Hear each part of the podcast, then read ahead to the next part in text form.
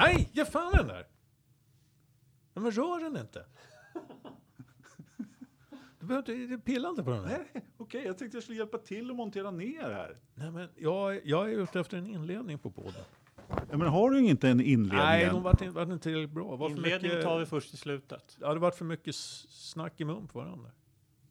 Ja, Som om det skulle hindra oss. ja, men ja, precis. Ja.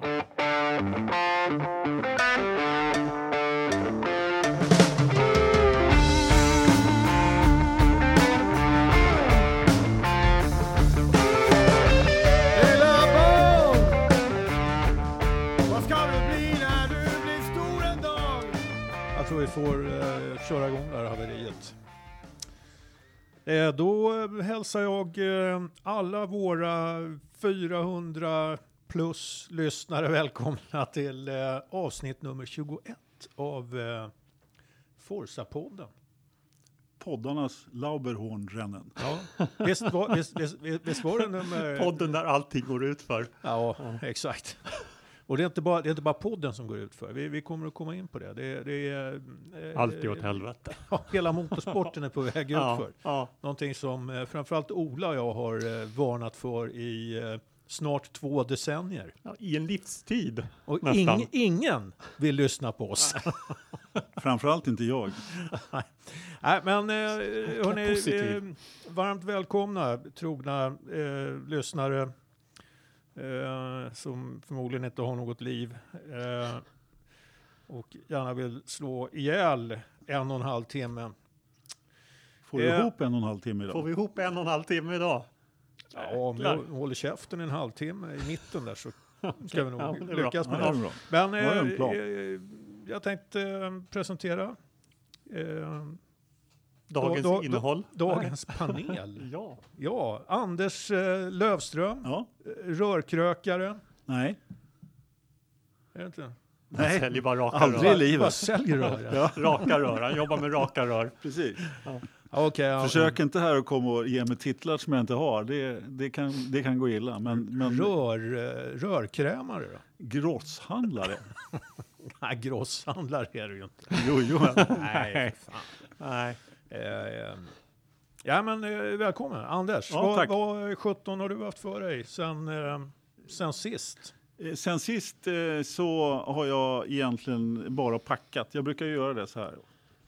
Packa? Ja, flyttkartonger du vet. Ja, du ska flytta. Jag tänkte Ja. nu ska han eh, iväg på något F1-race här. Ja, eh, Mm, nej, jag är Nej. inte- inte. Jag skulle gärna åka till Austin faktiskt. eh, Som är väl till helgen tror jag. Otroligt märkligt. Ett, det är ett ställe som eh, jag egentligen aldrig skulle besöka annars. Om det inte vore för F1. Så att Ja. Det verkar ju vara ett trevligt ställe att vara på annars. Så att, eh, ja, nej. Men, Ja, men eh, packat flyttkartonger du gjort. Har du Ja. hittat något skoj sådär som brukar dyka upp? Jag eh, hittade- man, ja, det har jag faktiskt. eh, F1-relaterat? Nej, men jag hittade min beställning på, på Amazon 1998 på Sean Alesis Beating the Odds. Kvittot. Det var, det var, tror du den firman Ja. finns kvar där jag beställde? Nej. Vad hette den? Amazon? Ja, de kanske finns kvar. Ja, men, ja, men, eh, Jag har hört talas om Amazon. Ja, ja. Men Jag tror det går ganska bra Däremot så är det inget spår av boken. Nej, Men kvittot har jag. jag, jag tänker bara titeln. Alesis, liksom, han slog aldrig oddsen. Det, Nej. det beror lite på vilka odds det var. Nej, det stod, alltså, vad var titeln? Against all odds? Nej, det är en Be- annan be- film. Beating the odds. Jag tror att den heter Beating the Odds. Ja. Beating the Eh, odds and not uh, succeeding. Ja, och eh, Ola, vi hör din vackra stämma Ja. här. Ola, Jag Ola försöker, jag försöker flika in lite då och då. Ja, precis. Eh, ja, välkommen till dig också. Vad, Tack, tack ska du ha. vad har du eh, pysslat med på sistone? Nej, men det är lite vardag. Vad har jag pysslat med annars? Jag har skrivit pressreleaser, lite pressreleaser har jag skrivit faktiskt. Ja, det har kommit ut lite grann där. West Coast Racing. Ja, West Coast Racing fixade väl en ganska väntad förartitel i TCR UK. Eh, så toppar de det med att berätta att de ska köra TCR Europafinalen. På toppen av det så fick vi skriva om båda de Ja. grejerna. Ja. Eh, däremellan hann jag med att skriva en pressrelease om att Lestrup Racing skulle, min, min, min andra lilla racingklient skulle tävla eh, 12 timmars i spa.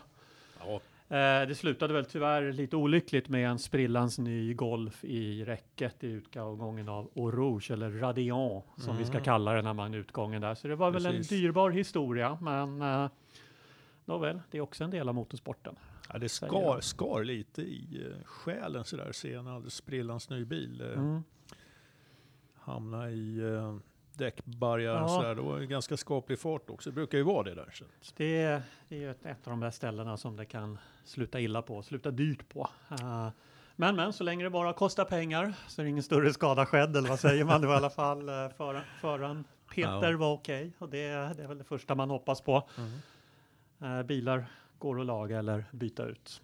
Jo men så är det så Om är det det. finns men pengar. det var väl, uh, var väl för väl Ja. att han uh, klarade sig där. Ja. De verkar ju som att teamet ändå kommer att packa och, och ta sig iväg till Austin där för att köra. Ja, jo, ja, men prata lite mer om det. verkar som att de får ihop en annan bil och kan åka i Austin. Då får vi lite F1-koppling på det hela. Det går ett 24 timmars lopp på Austinbanan i november. Ja.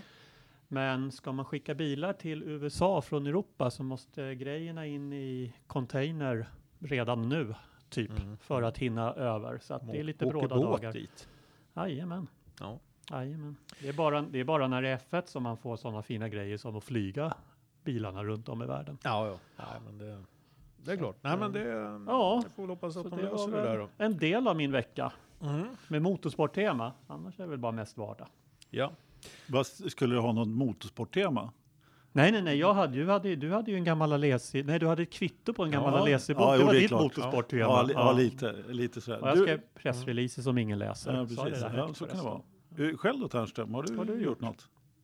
Någonting måste du ha gjort eftersom du helt plötsligt blir programledare. Ja, exakt. Eh, Precis, jag vet inte hur jag åkte på det här straffet. Men, eh, ehm, nej, men vad har jag gjort? Jag har, ehm, ja, jag har pysslat lite med V8 Fandikars i vanlig ordning. Vi har eh, lagt ut eh, lite grejer på Facebook, vårt eh, senaste magasin, 30 minuters eh, programmet där som man kan eh, gå in och kolla.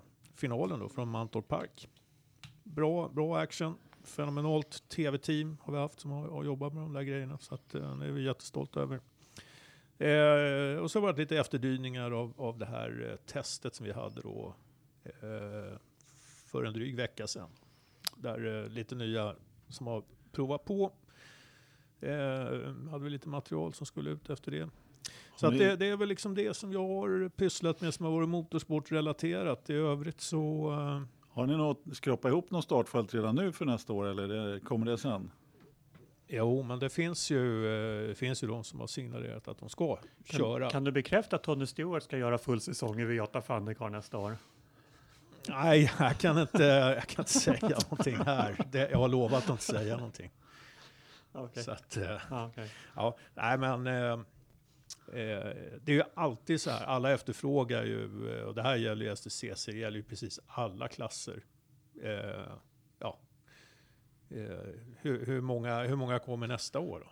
Liksom, det. Vilka, men det finns ju inga garantier för någonting. Nej. Men eh, av intresset att döma, att döma så tror jag att vi kan räkna med ett något större startfält än vad vi hade i år och då har vi växt två år i rad. Så att eh, vi känner oss ganska trygga med att eh, vi kommer att kunna leverera ett bra startfält. Kalendern, är den eh, spikad eller är den, Nej. eh, vad heter det, preliminär? Nej, Inte ens det? nej. Okej. Nej vi väntar på att STCC ska presentera sin kalender. Ja, förstår det. Så ser det ut. Eh, hörni, vi har... Eh, eh, vi står ju inför en eh, F1-helg igen. Det ska köras i Austin. Och eh, Ja, jag försökte, jag tänkte jag skulle imitera något, im, imitera något pistolskott eller något där, men det gick inte. Så glömde. Fortsätt. Fortsätt. okej, Ja. Jag förstår inte vad ett pistolskott ska ha med det att göra. ja, Men, men det är Texas och så brukar det alltid... Ja, men Aha, jag gjorde bara en okej. liten koppling där, men eh, vi behöver inte gräva mer i det. nej, Det, nej, det är den här typen av avsnitt vi kommer att bjuda på idag, Ja. är jag rädd. pre- precis. Mm. För vi har, vi har eh, alldeles innan vi satte oss ner och spelade in konstaterat att eh, luften har ju fullständigt gått ur F1-säsongen på något vis. Så hur ska vi nu kunna uppbåda något engagemang inför eh, den här helgen. Ja, Ola verkar ju köra med rysk roulette där borta. Jag vet inte riktigt. Ja, men Rysk roulette. det, det, det är alltså... Alltså du- mitt, mitt stalltips är ju att hitta några schyssta spel till paddan. Så när man sitter i soffan och ser spelet Ja, så har man i alla fall okej. någonting att roa sig med medan eh, tvn är på där i bakgrunden med några bilar som kör runt. Alltså, rysk roulette är ju väldigt spännande. Något annat kan man ju inte säga. men eh, men eh, där har man ju problem med, med att deltagarna faller ifrån De gör ju det. efter ett tag. Mm. Och man Precis har ett allt som mindre motorsport. startfält. Ja, exakt. Nej, men, eh, Anders, vad, vad, eh, ser du fram emot någonting överhuvudtaget till den här helgen och i så fall vad? Jag ser alltid fram emot en F1-helg. Det borde väl du ha lärt dig vid det här laget, att jag inte är så negativ och domedags eh, som ni två. Vi har en spännande kamp om sjundeplatsen i mästerskapet. Ja. Det är också en spännande kamp om alla andra platserna i loppet faktiskt. Men eh, eh, det, oddsen är väl inte sådär jättehöga på att eh, Lewis tar hem sin, vad blir det, femte raka seger på eh, 50 raka lopp. Nej, inte, ja, inte men, men Austin tänkte jag på. Han har väl vunnit, när började de köra? 2014? 14, 15, 16, 17, 18. Ja, femte. Ja. Jag tror förresten, nu är inte jag någon statistiknörd, men jag tror faktiskt att det är så att eh, det är nog bara Senna som har vunnit fem eh, event eller tävlingar sådär fem år i rad. Eh, det är säkert någon, vi brukar Ja. ha fel åtminstone en gång i Ja, podden. Så Mm. det kan, det, jag tror att han vann fem eh, Vann raka, inte han sitt första race i USA också? fem raka Monaco tror jag han vann. Senna. Eh, Ja, men jag pratar ju Hamilton. Ja, men, Vann jo, inte jo. han sitt första Alltså var F1-race i han som, USA? ja det vet jag inte, det kanske var. Eller var det Kanada kanske? Det var Mm. Kanada tror jag. det, för, för våra kära lyssnare så kan vi då säga att vi har ju inte vårt orakel med oss. Nej, Jakob. precis. Just han, är, det. han är ju inte här. Vi har ju glömt att eh, inte presentera honom. Du tänkte just säga det. Eh, nu är det gjort. Eh, Jakob han, han är fortfarande på avbytarbänken där. Det är hockey som gäller. Och, ehm, så att jag vet Alltså när han startade den här podden, hade han glömt bort att han var hockeytränare då? han, eller? han, han startade den och, och nu sitter vi här Ja. Mm. med, med det här i knät. Eh, Ola, Ja, jag vet inte om eh, Anders eh, förmådde entusiasmera mig sådär jättemycket inför helgen. Eh, klarar du av det? oj. Det, det, det, det var ju en grannlaga uppgift att, att få. Sådär.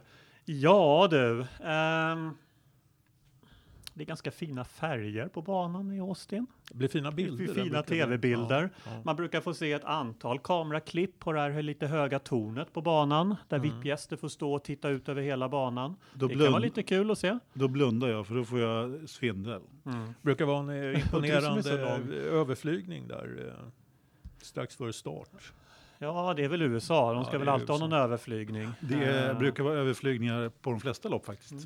De ska sjunga Ja. nationalsången. Eh, brukar de också göra på de flesta lopp. Ja. De ska svänga jättemycket fort, höger, vänster, höger, vänster, höger, vänster efter Mm. första kurvan. Jag vet inte om du blir särskilt upphetsad av det. Nej. Nej. An annars återkommer jag till att vi har en otroligt rafflande kamp om sjundeplatsen totalt i mästerskapet. Jag vet inte ens vem som ligger sjua i nuläget. Jag tror att det är Hulkenberg faktiskt. Det är, det är, lite, det är lite signifikativt tycker jag. Att Mm. eh, eh, efter... Eh, Jag kände inte att jag gjorde mig själv särskilt upp entusiastisk. Det är dessutom Sergio Perez som Ja. ligger sjua i VM. Jag var tvungen att slå upp det. vad, vad, vad, var, vad, vad, vad gick det senaste racet någonstans? Japan. Japan. Japan. Ja. Tack, tack. Mm. Eh, nej, jag skulle säga det att eh, det, det känns eh, ganska påtagligt att intresset runt F1 har eh, sjunkit eh, betydligt efter eh, ja, att det mer eller mindre är klart att eh, Hamilton är, kommer ju att ta den här titeln och sen tror jag också att här i Sverige så ännu mer så eftersom det är klart att, att Marcus inte har någon fortsättning i F1. Det är väldigt, väldigt låg aktivitet på forumen i, i, i olika diskussioner och vi ser också att det avspeglar sig i, i eh, sjunkande tittarsiffror. Ja, men så kan det vara. Så att, ehm, och det är väl lite så jag känner att ehm, luften har gått ur eh, F1-säsongen lite grann. Eh, Det är, eh, ja, det är många som åker runt nu och liksom på något sätt fullföljer sina kontrakt här och jag känner att det det finns ingen riktig spänning, det finns ingen laddning någonstans. Jag kan ju brukar tycka, jag sa i förra podden här att jag är ju ingen sån här mästerskapstittare. Jag brukar inte bry mig så mycket om eh, själva mäster, det gör inte så mycket om den är av, av, avgjord och så vidare. Men eh, nummer ett bara, eh, eh, Ola. Mm. Eh, Sergio Perez har 53 poäng va? Kevin Magnussen, Mm. Magnussen har 53, poäng. Ja. Hulkenberg har också 53 Ja. poäng. Så att, du hade nästan rätt i alla fall. Ja, men jag sa ju att det var Perez som ledde efter att Ja, ha gått in och rättat Men de har själv. faktiskt lika många poäng, Ja, men jag alla sa, tre ja, rafflande. Ja, en rafflande kamp om sjundeplatsen i Ja, mästerskapet. Ja, precis. Du låter lite sarkastisk, eller Nej, jag, ironisk. jag skulle Nej, aldrig vara sarkastisk Nej. över en kamp om en sjunde plats. Nej, jag förstår det. Nej. Nej, men eh, sådär, så jag kan ju alltid tycka att det är intressant med spännande lopp då, även om det är sluttampen. Och Japans GP brukar ju vara en hyfsad tillställning ändå och spännande. Men det har ju inte varit så bra lopp heller. De har ju varit rätt dåliga här, här på höstkanten. Det, har inte varit några, det har inte varit några spännande tävlingar. Och då tappar jag också sugen lite grann. Sådär. Så att, eh, och då blir det inte lika kul. Så att det jag hoppas på inför helgen är ju att det blir ett bra lopp överhuvudtaget. Så, och det, jag kan inte riktigt komma ihåg när, när det var ett riktigt spännande och bra lopp senast. Det har ju varit några stycken i år, men Ja. Nu har det inte varit några på ett tag i alla Nej, fall. nej. Så, så är det. Så även om jag kan tycka att eh, Japan hade ju sina... Ah, det var ju en del som var lite spännande där. Det hände ju en del, det gjorde det ju. Men äh, det, var, det var inte rafflande. Nej. Det var inte. Ja, men det, det är lite så det känns att eh, när man skalar bort eh, Marcus, eh, silly season är i det närmaste klart. Eh, det finns några små nyheter där och någon stol som återstår att besätta. Det finns inga större eh, politiska konflikter som eh, är i görningen just nu. Ja, då återstår det inte så himla mycket att prata om när det gäller F1. Det är det som är lite skrämmande, att eh, det vi har mest att prata om är politiska spelet utanför banan och lite vem som kör vad inför nästa säsong och hur det avgörs. Och, ja, sen är vi klara liksom. Egentligen är ju racen som borde vara höjdpunkten. Det borde vara nyckeln för alltihopa, men mm, jag tror vi har försökt i några avsnitt också prata om så här inför lopp. Ja. men nu står nästa lopp, nu står nästa lopp inför helgen här på kalendern och vad tror vi om det? Ja. Vem ska vinna? Men vi faller ju bara i diskussionen om, ja, vill vi prata om däcksfördelningen? Ja, nej, ska vi köra tre olika gummiblandningar i nominerade? Vi faller lite i det. Försöker koka lite soppa på en spik och ja, men vad Ja. kommer att hända i loppet då? Ja, men vi har ju två klasser i Formel 1 och i de två klasserna har vi dessutom ganska stora skillnader emellanåt. Och, Mm. Även om vi har en rafflande, jo vi har den där rafflande kampen om sjunde platsen i VM, men ja men det Ja, och jag, jag tycker att det svårt är, att bygga upp, det blir ja, lite precis. som, det passerar förbi. Man bygger Ja. inte upp den här entusiasmen inför helgen som sen kulminerar med att man ser själva loppet, utan Mm. det är snarare att nu är det söndag, nu slår vi på, man tittar på loppet och Ja. ja, Nej, men Det var det. Jag tycker till och med, alltså, förutom då att vi har ett division 1 och division 2 och där division 1 är avgjort så tycker jag att eh, division 2 saknar nästan konturer på något vis. Liksom. Det är, blir lite, lite dagsform på något sätt som, som avgör där. eh, Och det känns som att eh, de här teamen inte riktigt har, de orkar inte hålla hela distansen ut. nej. Och mycket väl kan det ju vara så också att, att de har eh, mer fokus på, på nästa säsong redan nu. Va? Och då, då blir resultaten lite grann därefter. Även om det rimligen borde finnas en hel del pengar att köra om. Så känner jag ändå inte att det finns den där, eh, finns inte den där nerven i den fighten. nej. Nej, men och tittar man pengarna, det är ju för konstruktörs-VM och det är ju, där är det ju inte lika rafflande kamp. Egentligen, där är positionerna ganska låsta. Precis som i vilken regeringsbildning som helst i ett skandinaviskt land. Ehm, där kommer ju inte hända så mycket heller. Det är om Haas ska jaga ikapp eh, Renault eller inte. Och, ja, det, det, det, det är ganska låst där. Ska Force India komma ikapp McLaren? Sen, that's it. Men konstruktörs-VM är väl egentligen ingen som riktigt har brytt sig om. Nej. I alla fall, förutom teamen själva då. Men Det som jag tycker är intressant är när du börjar prata silly season, det som har hänt sen senaste eh, avsnittet podd är det ju att eh, det fantastiska stallet Williams har signat med en förare. Ja. 1,85 är han. Jag tyckte han såg lite lång ut på bilder. Jag var tvungen Oj. att googla upp. hur- Han måste ju bli längst i fältet. Ja, förmodligen. Ja, ser Ja, och, ja, Ocon kör ju inte nästa år troligtvis. Då. Nej, men han är inte 1,87 eller vad du säger. Han är, han är inte så. Esteban. Ja, men prata på det så ska jag kolla det. Ja, det är Google det med. Men, Mm. Nej, men- 86 är han, enligt ja, Google. ja, Okej. Ja. Ja, nej, men han är, de är ju där, där i trakterna, så att han är också en ganska stor kille och eh, jag vet inte hur mycket han eh, eh, har 70 pannor då, så att det är Ja. inte, han kan ju vika ihop sig där så han, han väger inte så mycket då. Men eh. Om Williams ska bygga en lika dålig bil nästa år, vilket ganska mycket tyder på, så Så spelar det ingen roll om man är tung och lång. precis. Det är möjligt att Ja. han blir frånkörd av en eh, ryss då. men- Jag vet inte vad, vad som finns att säga om det där. Eller en Eh, fransman. Alltså, det gluckas ju lite grann om att Ocon kanske skulle eventuellt kunna vara aktuell för den andra sitsen i Williams och så vidare. Det skulle ju kunna vara rätt eh, intressant kan jag tycka. Jag, jag misstänker ju att det är så att eh, eh, Mercedes har haft två förare att bolla med här nu, Ocon Mm. och Russell. Och eh, Russell eh, skulle ju egentligen inte ha någonstans att köra nästa år. Om man inte körde F1. Var skulle Men, de sätta honom? men har de verkligen haft två förare att bolla med? Jag tror inte de har det. Hur menar du då? Nej, men jag menar så att eh, Ocon, han var ju egentligen redan påskriven för Renault.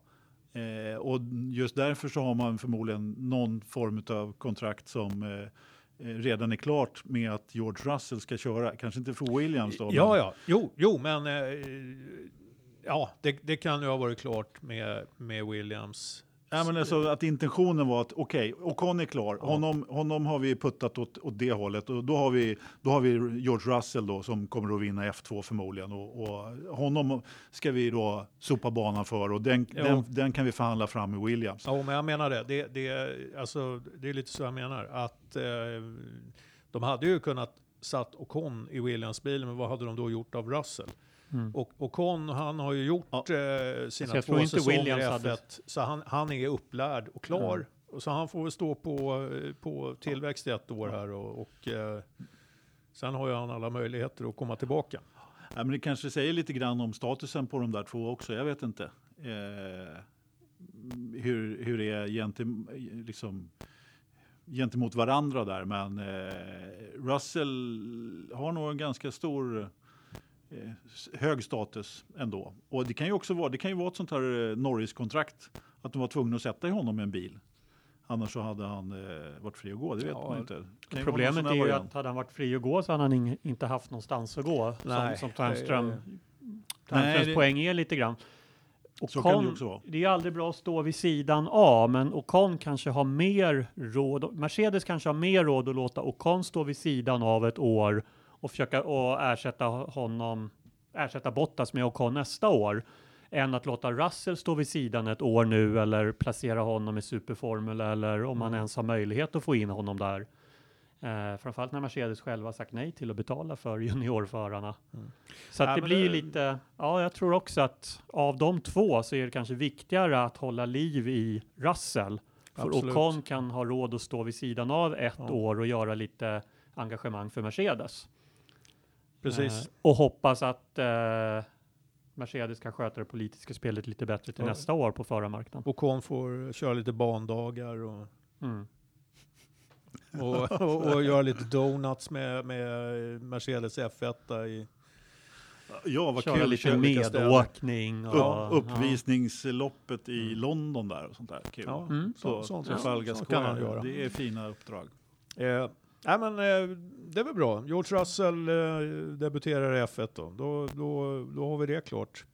Eh, jag har en tanke som eh, möjligen skulle kunna piffa upp avslutningen av säsongen. Du brukar ha en sån Ja. tanke. Låt höra. Precis, förutom... ja, eh, får se hur det går med min, eh, min, min förutspåelse där om att Vettel ska lägga av. Ja, men, eh, Men det lär ju inte ser komma förrän efter. där Då. ut. Ja. ja. men jag har ett tips till eh, Ferrari och Sauber. Byt plats på Kimi och Leclerc redan nu. Varför då? Ja, men då, då, eh, då kan man ägna de här sista racen av säsongen att städa av den här processen som det innebär att, eh, för team och, och förare att lära känna varandra. Eh, för eh, publiken skulle det ju eh, faktiskt vara lite spännande att se vad, eh, vad eh, Leclerc skulle kunna göra i Ferrari. Och eh, dessutom så tror jag att eh, för svensk vidkommande skulle det vara lite spännande i alla fall att se vad Marcus skulle kunna göra mot Kimi under de avslutande tävlingarna. Så att det, det, det skulle jag tycka var lite Ja, den, spännande. Det skulle höja intresset för min del. den konfekten blev ju lite blåsta på då, att eh, Kimi och Marcus är samma stall naturligtvis. Men eh, för det, det skulle jag också tycka var väldigt intressant. Sen, sen eh, Leclerc, Vettel lär vi nog få se ändå, vad du än säger. Så Ja, men det är klart, vi, vi får ju se dem nästa år. Men, eh, men, eh, Vettel skulle ju lägga av. Vettel ska ju lägga Ja. av har du sagt. ja, Ja, ja, okej. ja, men om man nu inte gör det. Mot, inte mot gör- alla odds. Mot, mot alla odds fortsätter. Ja. Jo men så är det. Då, då får vi Ja. se de två Nej, tillsammans. det, det vore ju en riktig superöverraskning. Att Nej, men, Vettel fortsätter nästa jag- år. För jag, jag, jag, ser, jag ser in- ingen anledning till att Sauer och Ferrari inte skulle kunna göra detta. Eh, vad, Nej, det skulle vad, vad, vad, vad, det finns absolut ingenting att förlora på det. Nej, kanske inte gör. Jag vet inte om Kimi har Nej. något, det, det väl, finns väl något i något kontrakt naturligtvis, och både det ena och det andra. Jo, och, men vad fasen, de, så länge han får sin lön från Ferrari så skiter väl han i det. Och, och jag tror att även han som förare skulle tycka att det var, alltså hellre än att, att köra de sista racen och halvt ha checkat ut. han, Eh, och, och, och istället sätta sig i, i, i Sauber och, och få lite mer eh, ja, kött på benen där och lära känna gänget där. Va? Det, tror jag skulle, det tror jag han skulle gilla. ja, fast nu slåss han ju då om åtminstone pallplatser. Hypotetiskt. Ja men vad fan, det, det är vad han står för för hela nästa säsong. Ja, men det är väl lika bra att skjuta på det så länge man kan. Har du, du, Ja men alltså. Nej, jag, håller, jag kan väl hålla med. Alltså, Ferrari har ju inget att förlora på det. Nej. Kimi har möjligtvis något att Jo, förlora men på han det. Om några- han värdesätter en fjärde plats särskilt högt. Alltså, det är inte, det, det det är ingen superans, med med någon superentusiasm han går över mållinjen i racen nu för tiden i alla fall. Så att, Nej. Eh, visst, han, han, har väl, han går ju till ett sämre team, men det ska han ju göra nästa år i alla fall. Så varför Precis. inte se till att göra det bästa av den situationen nu då? Mm. Eh, Leclerc har väl kanske, har väl i och för sig lite att förlora på det genom att hoppa in i slutet av säsongen. Å andra sidan så verkar både Ferrari och Vettel vara halvt under isen. Så är det någon gång man ska hoppa in mot slutet av säsongen utan att göra bort sig och sänka sina aktier så är det ju nu. Ja. Så, och Ferrari har ju absolut inget att förlora. Nej, och då, De är ju klara tvåa i ja. VM och, och så vidare, så de har Och då- inget att köra Och då för. kommer Leclerc varm i kläderna till Mm. säsongstarten istället för att börja inleda den processen där. Va? Ja. Lite så, tänker jag. Ja. Eh, ja, vi har, vi har klarat av eh, George Russell, vi har pratat lite Ocon, inga nyheter där om vad han ska ta vägen, eh, även om jag har sett några rykten om att eh, ja, han kanske kan möjligen hitta en plats även han i, i Williams. Eh, inte helt sannolikt. Eh, man, det finns eh, väl en ryss som polack där som Ja. är och bettar om den Precis. där sitsen, om jag förstår det hela rätt. Men, Jajamän. Eh, vi har inte hört några nyheter egentligen om Marcus Eriksson heller. Nej, Eh, Formel E-testerna har dragit igång här och han är ju inte med där. varför skulle han vara det? Det är lite Nej. tidigt. Ja, eh, nej, Nej, men han, är- nej, men det är för att han, har- det krockar med någon körevent han har i USA. Ja, han ska- precis, han ska ja, åka. Så han inte, har inte tid. Men varför skulle han vara med på Formel vet jag. E-testet ö- överhuvudtaget? Så om det inte vore Ja, ett... om man skulle köra nästa år, vad vet jag? Ja, varför ska han köra? Och Formel E kan han väl inte göra? Kan han väl? Nej. Kan han? Det blir jättebra. Vad fan, Nej. det ju, går ganska långsamt. Det är ju flera andra som har gått den vägen. Ja, men vad ska han där och göra? Varför ska, Det, va- det, kan va- man, det kan man fråga om de flesta som kör där i så fall. Jag menar, det är ju många före detta F1-förare som sitter och kör de där bilarna. Ja, så varför skulle inte han kunna vara en av de före detta? Nej, jag, jag skulle inte vilja se honom i Formel E faktiskt. Jag tror inte, jag tror inte det är hans grej. Nej, Han är, han är inte så vass på stadsbanor och Ja, den nej. typen av banor. Det kanske han inte det är inte hans grej. Oj, I så fall så kommer han att ha ännu mer problem om man ska köra Indycar. Ja, fast där ser ju banorna ändå rätt annorlunda ut. Inte vet jag. Jag tror inte han är, att det är bästa i Indycar heller, men eh, jag har ju alltid sagt att det är bättre att han kör långlopp då. då. Men, men ja, eh, men herregud. Va, de här jävla långloppen. Jag kollar lite på eh, VC här. Fuji, Ja. hur gick det? ja, vad tror du? ja, men nu, nu, nu, har du, nu har du fel igen. För den, Toyota. Ja, Toyota. det, nu har du fel igen, Ternström, för den Ja. store mäktiga Alonso, Ja, du vet han, just det. han, han twittrade eller sa här i helgen att Ja. eh, alla LMP1-bilar är lika snabba i väck och det är enbart Toyotas briljanta racestrategier som gör att det är de som vinner och inte de andra teamen. Säkert. Jag tror det är Alonso, han, hans nya karriär är att vara komiker. Han är hur rolig som helst. Vi- Visserligen fullkomligt, han, alltså han sticker ju ut hakan mer än vad du gör Ternström. Ja, ja. Ja. Nej, men det, nej, det var ett jävla sömnpiller och det finns väl ingenting som talar, talar för att det där kommer att bli något roligare. Jag hoppas ju på att Marcus ehm, får hitta en sits där i, i Indycar. Men eh, Jag tycker ju dock att han skulle passa bättre i Formel E. Jag tror det skulle vara bättre för honom. Ja, Rent karriärmässigt eller körmässigt? Körmässigt. Varför då? Och körmässigt, då blir det karriärmässigt. Jag tror att Indycar skulle nog bli lite... eh, Jag, jag, har en, jag tror att det skulle bli lite tufft för honom. Ja, det Utan tror jag med. att, jag, jag tror att han skulle klara sig bättre i Formel E beroende på vilket team han hamnar där också såklart. Men eh, Ja, ja, jag har, det är bara en känsla jag har. för, för mig så, så skulle han passa bättre i Indycar. Det betyder inte att han Passar bättre där. Skulle passa Nej. bättre där. Men jag skulle hellre se honom där. nej, men om man fick en bra styrning i Indycar så skulle jag nog tycka det var kul också. Definitivt. Jag tror inte det finns så många bra styrningar kvar. att få Nej, men det är ju Indycar. det det inte som gör. Det är ju därför jag... Men det, är- det är ju det är Carlin som det pratas om. Jag vet inte hur eh, det ser ut där, vilka som är klara för Carlin. Eh, Chilton är klar, Ja. eh, vet jag. Eh, Jag tror att de har en till som jag inte kommer ihåg namnet på. Så har de en, en eventuell tredje bil ledig i så fall. Mm. Ja. Det är så jag tror det ser ut. eh, Men nu är inte Carling något jättetoppstall i... Nej. i Men det, eh, men det har varit väldigt tyst, kan Ja. vi ju konstatera. Det har det varit, definitivt. Så det, Alltså, det finns det- egentligen inget nytt där. Det som jag funderar lite grann på är hur hans finansiella situation ser ut utanför Formel 1. Som nu då, för jag menar, är det så att han inte har någon eh, finansiering så kan det ju bli jobbigt. Ja. Max Chilton är den enda som är klar, Ja. klar för Carling än så länge. Så att, eh, men han kanske har någon form av finansiering eh, även utanför Formel 1. Det är mycket möjligt, det är mer än jag vet. Det, det, det, det skulle inte förvåna mig så, men Nej. eh, Det är fullt möjligt. Alltså, det känns ju lite grann som att eh, det är ju inga dumskallar här som har eh, legat bakom Marcus eh, karriär så här långt. nej det är det inte. Eh, det kan säkert till och med ha funnits ett upplägg för hur man ska klara en eh, exit ur eh, F1 En på, Kimi på, exit. på, på ett bra sätt.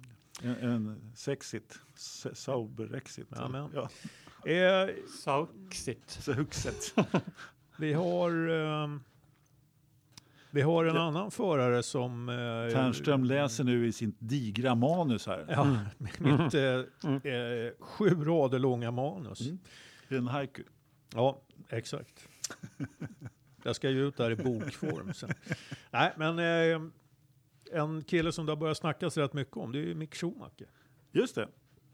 Väldigt mycket. Ja, Ja, han vann det bra F3-mästerskapet Ja. i helgen. ja just det. Var det helgen han vann? Nej, Förra ja, helgen? Nej, det var i helgen. Det, Det var i spelar, det helgen. spelar ingen roll. Okej. Säg, säg, ingen vet ju när det här är Han, inspelat. han vann ett, han, Nej, vann, det sant. han vann det bra F3-mästerskapet i oktober. Ja. Han vann det på Hockenheim Mm. Mm. faktiskt. ja, han spöade ju upp din, eh, din favorit. Tiktum, han har ju sjunkit som en sten. Ja. Han spöade även upp din favorit ganska ordentligt, vilket rätt många gjorde faktiskt. Vad fan är min favorit då? Så jag, du ser, nu försöker han spela... Titta inte på mig, jag vet ingenting om Ternströms Vad har jag favorit för i favorit Formel i 3. F3? Du har ju hyllat Ahmed. I upp, nerifrån och uppifrån och eh, från sidan och åt andra sidan. kan jag ju inte påstå att jag har gjort. Det har du väl? Är så jag bara tyckte liksom att han... Eh, Bara tyckt liksom. Ja. hygglig chaffis. Han var ju bättre än alla andra i serien i alla fall. Nej, Tidigare var- när vi nej, pratade. nej. Håller han på att ta tillbaka grejer. Titta inte på mig, jag har Nu, ingen försök minne av inte, någon Försök inte av krångla ur det här F3-förare. med, Jag krång- med din krång- Tiktum-satsning. Jag krånglar mig inte ur någonting överhuvudtaget. Eh, inte det minsta. Jag har inga problem med att Tiktum inte vinner i F3. Jag har hyllat honom som... Eh, annat. jag tycker han är en bra förare, helt klart. Ja. Sen har ju då... Eh, och jag trodde nog han skulle ta hem det, men eh, Mick Schumacher har ju mycket riktigt eh, från att ha varit, som vi konstaterade, eh, kanske inte medioker. Han hade någon pallplats tror jag. I, början på säsongen där. Som vi kollade senast. Men sen eh, från mitten av säsongen så har han ju ja, gjort eh, slam, tagit storslam där liksom. Vunnit Ja. det mesta i stort sett. Mm. Ja, men det, det vad, vad tror du? Ligger det någonting i Tiktums eh, insinuationer? Fan, det kan man ju inte riktigt. Jag menar, han har ju kopplat, inte kopplat på hjärnan när han skrev på Twitter Nej. eller vad han gjorde. Någonting. Jag tror att eh, kombinationen av det och att han åker på stryk, den är ju inte så Nej. jäkla bra eh, för hans karriär. nej det är han ju Den, den definitivt gode, inte. gode Tiktum. Jag vet inte, han fick väl tillräckligt med, jag är dålig på det där med licenserna nu, men visst fick han tillräckligt med licenspoäng för att köra fredagstester nu, Mick, tror jag. Mick Schumacher, ja. Ja. jag tror det. Eh, Men inte för att köra en full styrning. Nej. F1. Har han ingen Nej. superlicens för annat än tester? nej, men eh, det är ju en gräns där någonstans för Mm. att köra fredagstester, tror jag. Mm. Så att, eh, jag tror han kom upp i dem, Mm. Mm. om jag inte är helt ute och cyklar. Och eh, Tiktum hade behövt vinna också. Jo, ja, men han, inte ens då hade han kommit upp i Nej, eh, okej, tillräckligt okej. med poäng. Om nej, han poäng hade han inte kommit upp i. Nej, nej. Så att eh, Tiktum får eh, stå på tillväxt där medan eh, Mick Schumacher eh, snackas det en del om att han eh, kanske eh, ja, passerar, eh, passerar gå och inkasserar 4000 här och, och kör F1 Frå, istället. frågan är ju, eh, alltså hur mycket, hur mycket snack är det och hur mycket substans bakom det? Att, ja, men han är välkommen. Han, ja, sådär. Mm. Har man ju hört. Eh, nu. Från Ferrari tänker du? Ja, Och och dessutom så pratas det ju om Toro Rosso också. Ja. Så att, eh, jag vet inte. har Jag, kan, Helmut, Helmut Mark har väl dementerat det lite grann, så Ja. det betyder väl att han står med en och en halv fot i. Toro Rosso nu. Det, det, Han- han det är klar. påskrivet. Han är Ja, men- är påskrivet och klart. ja, precis. Nej, men jag har lite svårt att värdera. Ja. Hos Ferrari tror jag det bara är en, ja ja men det är klart att du kan tillhöra vårt stall. Vad det egentligen ni betyder i verkligheten, det kan vi diskutera senare. De behöver ju en simulatorförare. Ja, de behöver en simulatorförare och de har GT-bilar lite runt Ja. om i världen. Och, eh, de har pengar nog för att betala för en Schumacher något år eller två. Mm. Eh, vad det nu skulle leda till i framtiden. Eh, Det och ju det ett, tror jag inte är ett dugg omöjligt, men det kändes som att det var lite med vänsterhanden också. Alltså den, den eh, racerförare är ju inte född som skulle säga nej till en F1-styrning. Och det gäller nog även Mick Schumacher. Antagligen Eh, inte. frågan är, eh, alltså det är fler förare än eh, Mick Schumacher som har eh, hoppat över F2 Ja, men så är det ju. Det är ett riktigt skit, GP3 också. skitmästerskap. Så att, eh, Mm. F2 då. Ja. Det konstaterade jag här i någon podd tidigare. Det var ju inte alla som höll med om det heller naturligtvis. Men I podden eller? I podden, i podden måste ju vara enhälligt överens om att Formel 2 är ett skitmästerskap. Man ska Ja. göra allt för att undvika. jag tror att vi var hyfsat överens. Mm. Men eh, utanför den här lilla världen som vi kallar Forza-podden så var inte riktigt alla överens om det. Ja, Ja, men det att folk tycker fel. till Ja. exempel i en annan podd. Ja. Ja. Det finns en. Men de, Ja, de okej. har fel. ja, men det, det är ju så här, ä- även om F2 har, har ju brottats med ganska stora problem så är det, det är en snabbare bil. Det är eh, team som opererar på en eh, högre nivå så att eh, oavsett eh, resultat och så vidare så är det ju en bra skola. Eh, och eh, Mick Schumacher, eh, ja, är, är, han, är han så bra så att han skulle kunna hoppa över där? Är, är han en förstappen liksom? Man kan vända på det och säga, är Mick Schumacher tillräckligt bra för att kunna riskera att köra i Formel 2 och inte bli avklädd? Och jag säger inte att han egentligen är dålig förare som helst, men det är ett vågspel att gå in i Ja. Formel 2 och det kan lätt slå fel och du är sluta 12 i mästerskapet och då är dina aktier inte högra, då är du borta. Ja. Och det, Formel 2 borde vara det logiska steget för honom. Det borde vara det logiska steget för alla som ska upp i Formelbilsklasserna och så småningom sluta F1 under förutsättning att man har all finansiering och övrigt ordnat. Ja. Men i själva verket så handlar det om att vinna F3, tajma att vinna F3 på ett, vid ett tillräckligt bra tillfälle så man kan kliva direkt in i F1. Mm. Ja, men det, det, Det är ju ett dilemma han har. Vad ska han ta Ja. vägen? Han kan Nej, ju men inte det- köra GP3. Nej, men precis, får han erbjudande så kör han ju Toro Rosso. Det är ju inget Ja. att snacka om. Och, och grejen är, jag tror ju, dels, dels så är han ett så pass starkt namn. Och jag tror också att det finns en, en viss, eh, eh, vad ska man säga, det finns en, en, en, en viss eh, beredskap för att ta hand om honom i, i F1 som han kanske inte gjorde med en Kviat till exempel. Nej, men så kan det. Alltså det finns, eh, han, han, han, har ett namn som eh, eh, jag tror att man vill eh, vårda. Det, det är ju ingenting att snacka om. Nej. Liksom att det är, han, han sitter på ett visst värde där. Det gör han säkert. Det gör han säkert. Så att, eh, och, och får han köra Toro Rosso så åker han ju inte ut efter en säsong utan han kommer få två. Ja, Det, det är så mycket. lite beroende på, men eh, jag är beredd att hålla med där. Ja, han, alltså han skulle ju behöva göra bort sig något kapitalt. Ja, ja. Så att... eh, Jo, men det finns nog ett visst värde i att ha en Schumacher på startlinjen, helt klart. Ja. Eh, ja, men lite spinna vidare på Formel 2-spåret där och deras... Eh, jag- jag gillar ju inte... Eh, liksom, Pirelli har ju gjort däcken där på något sätt för att testa mot F1. alltså på, på det sättet som man egentligen skulle vilja ha F1-däcken, att de går av väldigt fort. Mm. Eh, vilket an, gör att det blir så stora kast i däcken överhuvudtaget. Så att det blir inte riktigt bra. Och, och som gränsen blir som en knivsudd där istället. Och då, det är inte roligt det heller. Och då, det kan man titta ganska... Eh, så om man ser Niko Kari till exempel som har kört GP3 och inte helt gjort bort sig eh, tidigare. Han eh, var ju, körde ju sitt, blev ju ja, eh, uppflyttad då i F2 till Sochi var det va? Mm. och eh, körde sitt första lopp där. Och det såg man ju ganska tydligt. Ja, han regerade ju liksom och var ju snabbast på banan och klättrade rejält. Ja, men eh, när loppet var färdigt så var han ju näst sist i alla fall och i andra loppet så körde han av. Så att det, det är väldigt, eh, det som Ola säger, man kan eh, bli rejält förstörd där på inte så lång tid eh, egentligen. Så att, eh, I F2, och det är en ganska stort vågspel. Eh, om de ordnade upp däckreglementet lite där så tror jag att de skulle kunna få en, en bra då skulle det inte vara li, lika stort vågspel. Jag, jag tror att det är svårt att, för man, det man försöker göra med F2 är ju skola in förare i F1 med däckhanteringen eh, så att säga. Men det har ju blivit svårare däckhantering i F2 än vad det är i F1 i stort sett. Så att Mm. det är där som jag tror att eh, problematiken med F2 ligger. Eh, vi har lite eh, svenska framgångar på F3-nivå också. Oj, Ja. just det, det har vi. Li- Linus Lundqvist blev eh, tredje svensk att vinna det brittiska F3-mästerskapet. Vilka är de två andra? Ja, det är väl Stefan Johansson och sen vann Gunnar Nilsson det där Mm, mästerskapet en gång i tiden.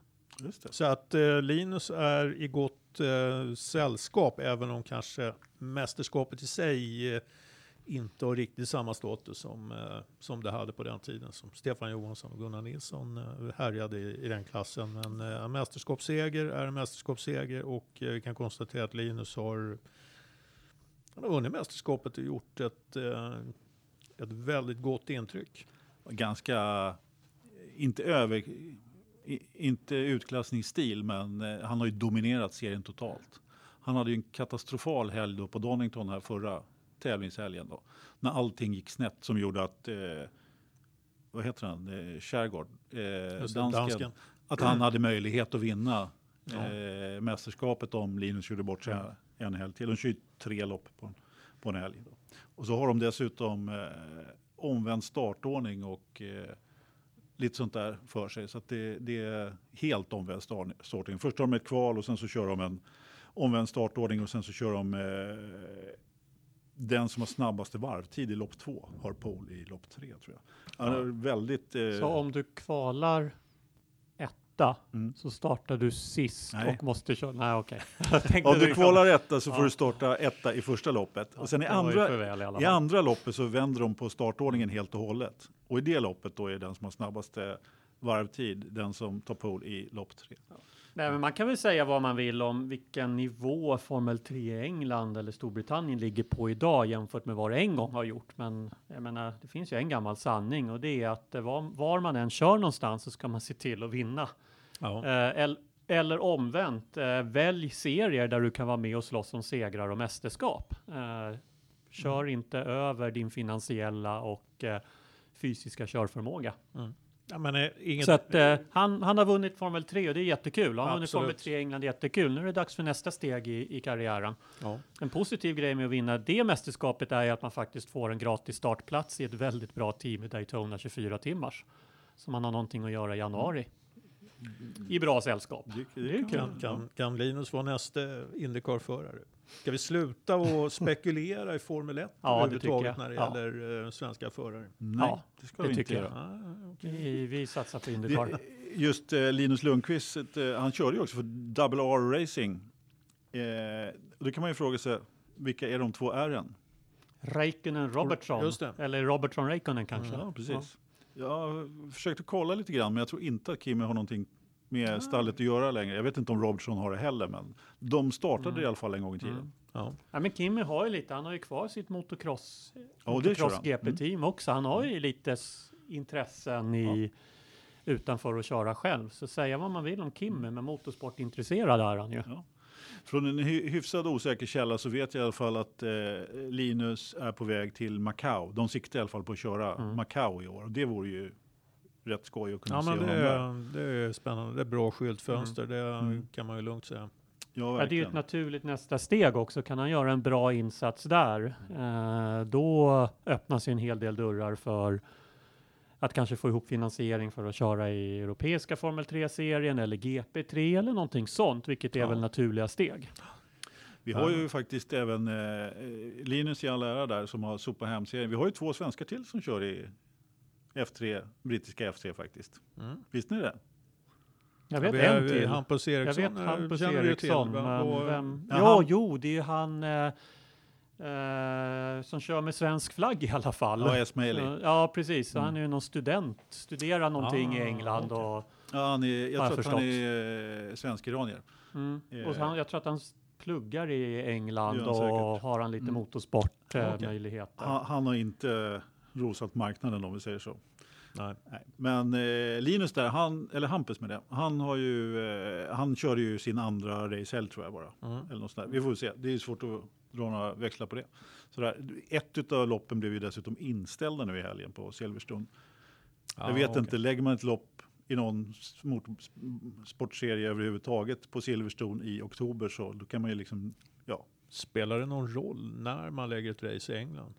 Så Ja, regnar det väl? ibland gör Ja, det. det finns ett par dagar i juli som Ja. det brukar vara fint väder. Precis, Mm. och där ligger ju nu eh, F1-loppet och annars så tidigare så var det ju eh, när de körde i april där så kör, de försökte ju lägga om eh, Englands GP i, i april något år. Ja.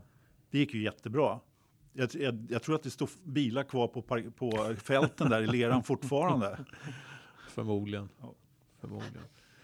Ja, nej men eh, jättekul med eh, Linus framgångar. Ja, jag faktiskt, eh, nu har, vi, vi har inga rader kvar här. I manuset. På manuset. Ma- Har du inga rader kvar? Men jag Nej. har en grej Ja. till som jag glömde att säga till dig när du satt och Ja. ja. plitade ner din haiku-dikt där. Så att, eh, det var ju faktiskt ett annat eh, mästerskap som avgjordes i, eh, på Hockenheim där när F3, när Mick tog hem eh, F3. Vet ni vad det var? DTM.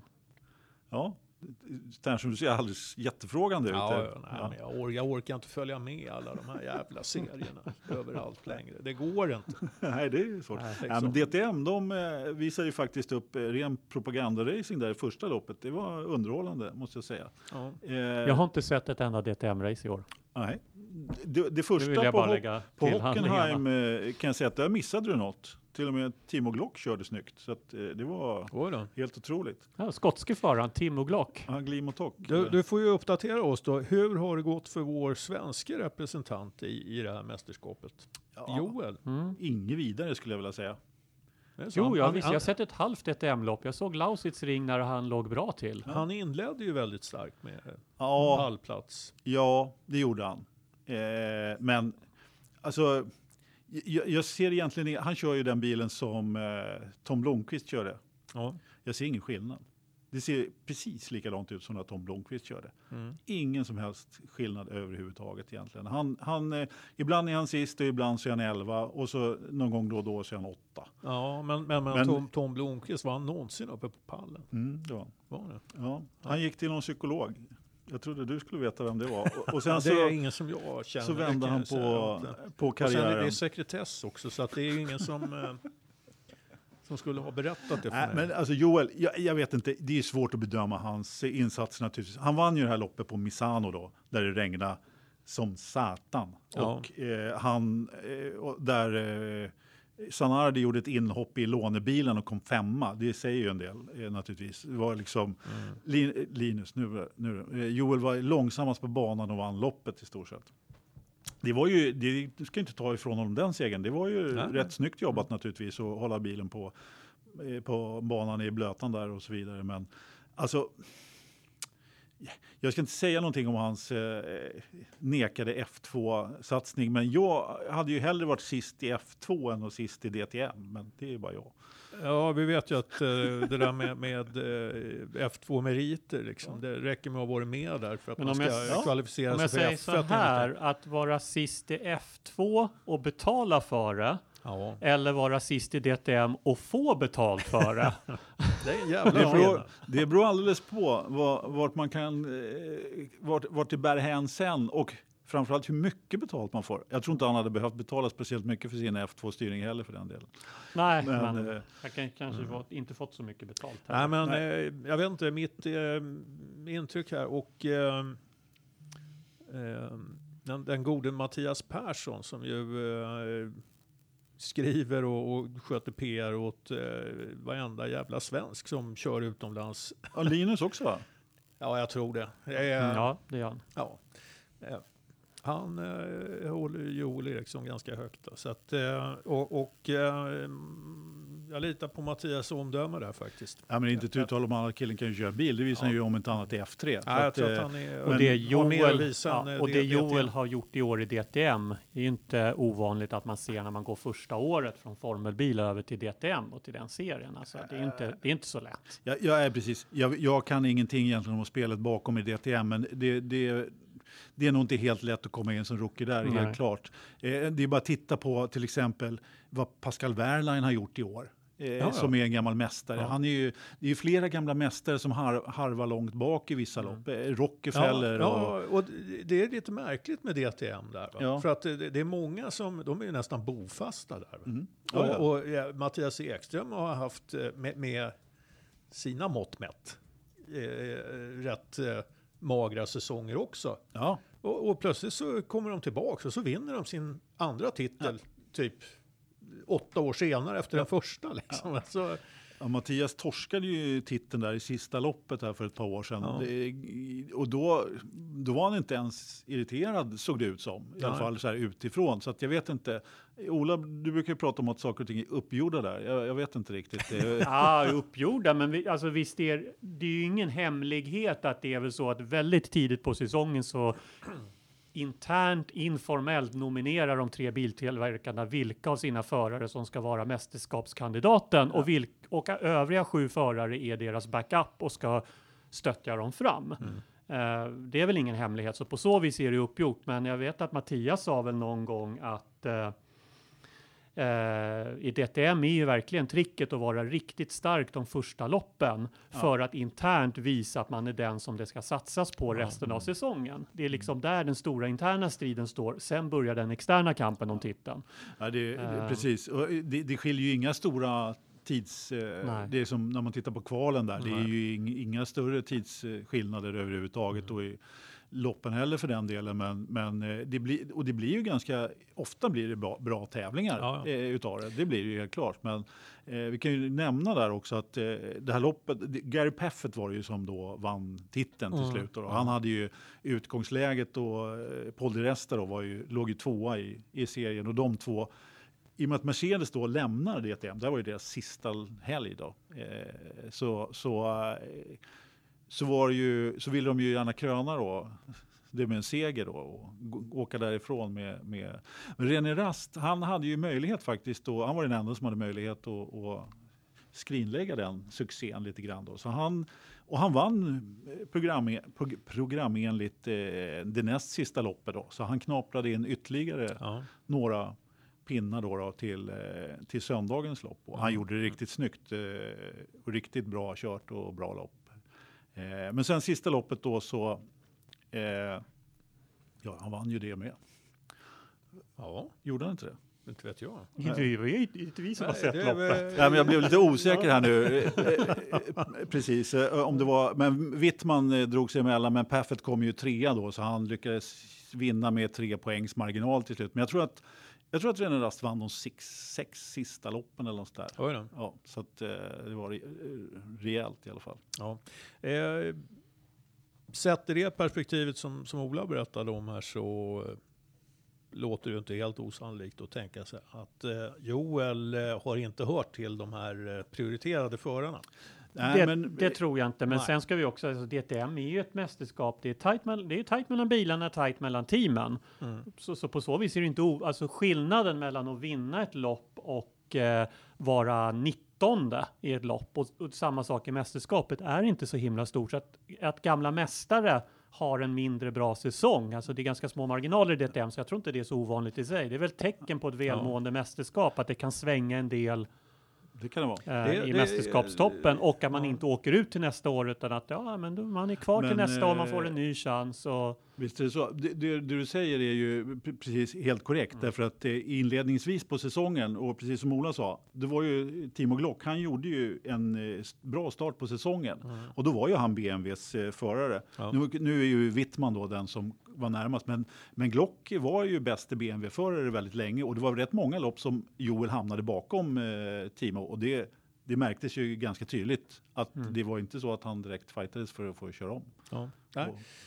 Eh, ryktas om att... Eh, Och det, får, får jag dra en liknelse så, Ja. som jag är så pessimistisk om F1 ibland tycker Anders, så är det ju den här faran jag ser att F1 är på väg att gå när, om man kommer att tillåta fler bilar per team Ja. för att andra team försvinner och man har några starka team kvar och så måste man fylla ut startfältet. Om man gör det så är det här, så här kommer det se ut i F1. Då kommer Ferrari ha sex bilar, Mercedes sex bilar och efter tre race på säsongen bestämmer man vem som slåss om VM i det teamet och de andra fe- fem är backup-förare. Blir det lika spännande som i DTM så fine.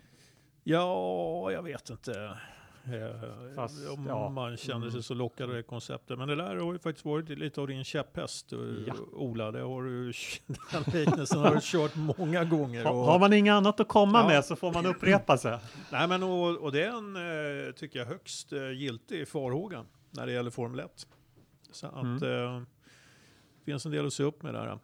Eh, ryktas att eh, Mattias Ekström är på väg tillbaks till DTM då jag efter såg det. att eh, Jag såg det. Ja, den här rallycross-satsningen från Audi uteblir ju. Och eh, som rallycrossen har utvecklats så går det ju inte att hänga med som privat team längre. Det är Nej. helt omöjligt. Nej, nej det, det, det, det är nästan om, ja, det är omöjligt nu. Det ser vi ju. Så att, eh, det gnyser ju om att Volkswagen-teamet är för dominanta där. Och, och just det, att det är några dominanta team, är ju det sista rallycrossen behöver, som alltid har byggt på att det är en blandning av fabriksteam eller halvfabriksteam och privatteam, men alla kan slåss och det är väldigt tajt och jämnt och så vidare. Så. Ja, nej men det är uppenbart är Mattias då inte redo att lägga hjälmen på hyllan i alla fall. Han vill fortsätta köra. Och vill man fortsätta köra och ska vara hos Audi, då, är, då har man inte så många alternativ. Nej. Vi pratade det lite offline, att eh, två märken som Audi och BMW har ju faktiskt väldigt, väldigt små motorsportsatsningar numera. Ja. Om man börjar titta på Var det. det inte så att det var någon svensk som vann något i den där serien som ni pratade om i helgen? Jag tittar inte så ofta på rallycross, men jag, Jo, var Johan Kristoffersson har ju eh, redan säkrat VM-titeln Ja. inför helgen. Jo, så nu var det väl eh, att teamet säkrade teamtiteln också va? Ja, han tog, vad var det, elfte segern eller vad sjutton det var. Ja. Eh, jag har ju kollat en del på, på rallycrossen här i år och eh, det är ju inte, alltså även, även om eh, Volkswagen har varit överlägsna resultatmässigt så eh, är det ju inte så jädra mycket som skiljer ute på banan. Men det räcker. Mm. Det räcker för att, att, att eh, ta hem de här segrarna. Helt klart. Eh, rallycrossen har också problem eh, kan, kan vi väl konstatera. Eh, nu börjar man eh, expandera och eh, man gör egentligen den här grejen som F1 redan har gjort. Alltså man, man börjar etablera sig på banor utanför sitt traditionella Mm. eh, Mm. revir Ja. så att säga. Man, läm- man lämnar de på- traditionella rallycrossbanor. Man kör på spa, Spa. man är i Barcelona, eh, ja, Silverstone. och- Hockenheim. Ja, Jag vet inte om man kör på Hockenheim fortfarande, men man kör man. jo men just gick det, ju det dit, där ja. körde jag Ja. också. Mm. och eh, jag tror att eh, de eh, gör ett stort misstag. Du brukar tro det. Mm. Ja, nej men eh, jag har en viss erfarenhet av det där sen jag jobbade på STCC när vi tog in rallycrossen i... Mm. Ja, det vart inte bra. Där gjorde, det, gjorde du, där, det gjorde du fel, Tärnström. Det var, någon, det Ja, var det- något det om ett hopp på Solvalla där, eller hur var det? Ja. ja, men det var väl blandad konfekt. Solvalla fungerade väldigt bra. Eh, Men problemet är ju inte egentligen eh, eh, så att säga att, att om man säger så här. Det, det är så olika publikkulturer det handlar om. När det Det gäller rallycross och racing. Så att eh, det är väldigt, väldigt svårt att få med sig rallycross-publiken Mm. till, eh, eh, till, till andra evenemang. Det kan jag tänka mig. Så, så att, eh, och, och det, det, de, de, de problemen kände vi av och lyckades väl i viss mån överbrygga dem, tyckte jag, på ett ganska bra sätt. Eh, kanske just främst med Solvalla då, eftersom det var ett evenemang som också lockar kanske en annan publik än den som vanligen kommer till, till eh, Mm. Banracingtävlingarna. Sen finns det stora logistiska problem med att arrangera både rallycross och banracing samtidigt. Det, det, det ska man ha klart för sig. Det krävs många Piazzava-kvastar, Ola. Jo, men alltså, vi, kan inte ha för, vi kan inte ha för få PSA-kvastar inom F1 kan Nej, jag tycka. nej. Så att det, det är väl en positiv utveckling av det. Nej. Nej, men du har ju en poäng i att eh, det, det finns en balansgång mellan när en sport behöver utveckla sig och förnya sig utan att gå lång, för långt ifrån sina traditionella grunder, sina traditionella värden. Och vi pratade lite offline här också om eh, du var så chockad över att jag och Anders ser fram emot att längdskidsäsongen har startat. Och det är ju en sport som har också balanserat lite på Ja. Eh, vi måste förnya sporten, göra den mer intressant i tv utan Ja. att gå för långt från våra traditionella värden. Och när rallycrossen ger sig in på F1-banor så, så tror jag att man går lite för långt ifrån vad rallycrossen är. Och det finns ju en risk i att det blir varken hackat eller malet av det hela. Mm. Ja men absolut, och, för jag tror att eh, de här traditionella banorna man har kört på, de har haft, de tävlingarna har haft en väldigt stor betydelse på nationell nivå i, i de här olika länderna för rallycrossen. Eh, för den nationella rallycrossen, det har med återväxten att göra och alla de här grejerna. Så det är för banorna och, och det, är, på klubbnivå de här grejerna arrangeras ofta. Så, så är det en jädra stor intäkt och så vidare som man nu förmodligen eh, kommer att gå miste om. Så att, och, och, och det ser man inte på med så blida ögon.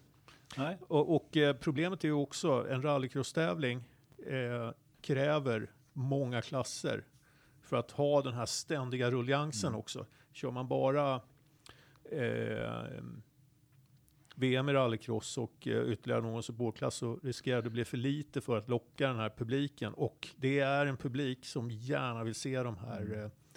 eh, eh, hembyggena också. De vill se Mm, gamla mm. skrotbilar i Mm. princip som går som fan. Mm.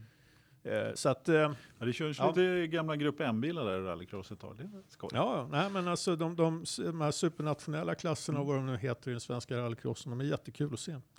Och, jag- och jag tyckte att det var först då som, när jag jobbade med STCC, som vi började få är inte Grupp M, Grupp B eh, li- Ja. lite, lite styr på det där liksom. Så Grupp att eh, det vart en bra mix.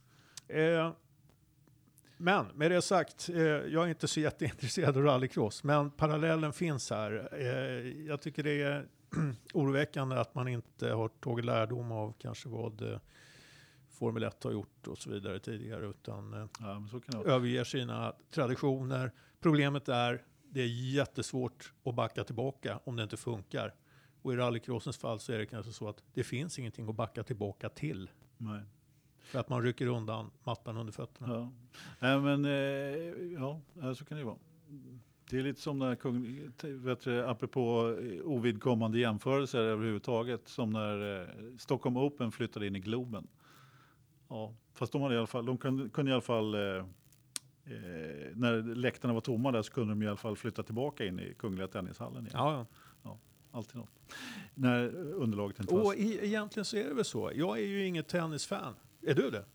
Inte så, nej. Nej, nej. Nej, inte sen men, Mats Wilander la av. men- Då gick det ut för med sporten. Men visst, visst fasen har ju, har ju en sån anläggning som eh, Kungliga Tennishallen har ju betydligt eh, schysstare atmosfär. Det har Ja, den vore jag tennisintresserad skulle jag hellre se den turneringen på den, på den nivån. Även, även om det inte går att kanske driva de här allra största turneringarna Nej, det är eh, svårt. i, i den hallen. Men det har du helt rätt i, därför att det är en jäkla känsla där inne. Jag har varit på några Stockholm Open Ja. där faktiskt. Och det, jag kan säga så här, att om man är byggd som jag och kanske några till i den här podden så, så har man lite ont om benutrymme, benutrymme i de bänkarna. ja, okej. D- där är det, det finns inte så Nej. mycket, men eh, det är en jäkla stämning. Man sitter ju alltså, bara någon meter från spelarna känns det som. Man får närhet liksom, till spelet på ett helt annat sätt. Precis. Så körs det ju också ofta väldigt många matcher. Nu börjar det bli tennispodd här. Ja. Eh, Men eh, är det, här, eh, är det här Sveriges längsta podd? Längsta. Nej, Du menar det- inte så? Till, Ja, det, inte i tid vad har vi utan för i snittlängd här? snittlängden Ja, är ju... Ja, Du, tänk, du tänkte så? Jag tror snittlängden är strax under två timmar, så vi, vi, lig- vi ligger väl inom ja, vi, vi måste vara över, över snitt, snittlängden på... Jakob är ju 1,91. Ja, är Att du Nej. tänkte så? Nej, Jakob är inte 1,91. Han- han Han kan kan, väl inte vara max vara 1,91. 1,60. Han, är ju, han har ju hävdat det i varenda podd att han är 1,91. Eller Ja, men för åtminstone... helvete. Det är med, möjligen med platåpjuck. Ja. Men om vi tar bort Jakob Ja, så ligger ju... står på Ja, avbytarbänken nu, tar, nu, tar, nu, tar, nu talar vi den, det här aktuella avsnittet. Det här aktuella avsnittet så borde ju snittlängden ligga åtminstone över 1,95. Du är 1,96. Nej. Nej, Nej, nej, 1,94. Nej, det är en, beror på. 1,93, 1,94. Ja, okej. Samma ja. lika. Är du, är du inte längre så? Nej, nej, nej. nej. Småkillar. Ja. Och du då? 200. Ja. Då kan ju någon, då kan ju någon räkna ut det. Det, och nu förstår ju alla lyssnare varför vi är, eh, vi är läktarchaffisar. Vi får inte plats i tävlingsbilen. Det är därför. Okej, Ja, så, så att, eh, Ja, du behöver inte fundera mer på det. Eh, ja. Har vi någonting eh, mer vi känner att vi skulle vilja avhandla? Något som är motorsportrelaterat? Ja, ja, eh, Jag har en sak. ja varsågod, kör. Veckans förstappen. Ah. Börjar vi närma oss slutet redan. Alltså. Alltså jag sitter men, bara och roar eh, med vilka de tre senaste segrarna, inklusive Linus, i det här nya brittiska Formel 3-mästerskapet, vad de har gjort efter sina mästerskapstitlar. Ja. Vad har de gjort då? Och han som vann förra året, Enab Ahmed, han kör, Han kör F3 Euroseries. ja han blev nia Rätt, i eh, mediokert. F3 Euro. Eh, Sternströms och favorit, det har vi redan avhandlat. Brasilianan Leist, eller Leist, Leist är det väl, han eh, Ja, vad gjorde han förstår ni? Han och åkte över till USA, körde Indy Lights och så körde Mm. han 17 race för AJ Foyt i Indycar och slutade 18 totalt i Indycar-mästerskapet i år. Så Ja, att, eh, ja, Hör Ternström att han försöker köpa sig tid för han har inte tänkt ut någon veckans förstappen. Jaha, nej, men okej. Men, Du menar så? vad, Ja, jag menar, vad, vad, eh, vad skulle det kunna vara? Jag vet inte. Ja. Ja, jag, jag har min veckans förstappen klar. Ja. Ja. Låt höra då. Ja, det är faktiskt en... en eh, Jag har ingen, ja. ja. nej, men det, det är en kandidat som har varit med förut. Jaha. Ja. Nej, men det, det är F1s totala pyspunka. Okej, nu igen. Ja. nej, men det, jag tycker det är, Ja. Det är lite beklämmande. Och jag, jag inser ju nu då att eh, en stor del av mitt eget intresse, det har ju faktiskt upprätthållits av eh, Marcus Eriksson. Jag känner mig betydligt mindre engagerad nu när jag vet att han inte ska köra vidare. Mm. Så, så kan jag ju... Ja, men så känns det lite grann. Och, eh, för jag har inget intresse av den här... Alltså titeln är ju klar och kamp i mittfältet, nej. Det, det känns avslaget. Mm. Så det är veckans förstappen. Mhm. Nu har jag tagit den för er. Nej, men jag, jag, jag, vill, jag kan bara hålla med. Jag vill inte ha någon Ja, du annan måste, du veckans måste ha en förstappen. egen. Ja, men okej. Veckans förstappen för mig är motorsportens totala kollaps. Nej, men den totala avslagenheten generellt i, i motorsport eh, Ja. just nu. Eh, vad, jag är lite orolig för framtiden för att tävla med bilar på elitnivå Ja. i nationella och internationella sammanhang. Mm. Eh, jag, kanske är, jag kanske har tittat själv för mycket på motorsport för länge och kanske därför bara lite avslagen. Kanske finns ett jättestort intresse, men jag ser, jag ser att i var och varannan motorsportserie så blir tittarna äldre utan att det tillkommer nya unga tittare. De demografiska kurvorna som vi pratade om innan avsnittet. Eh, Ja.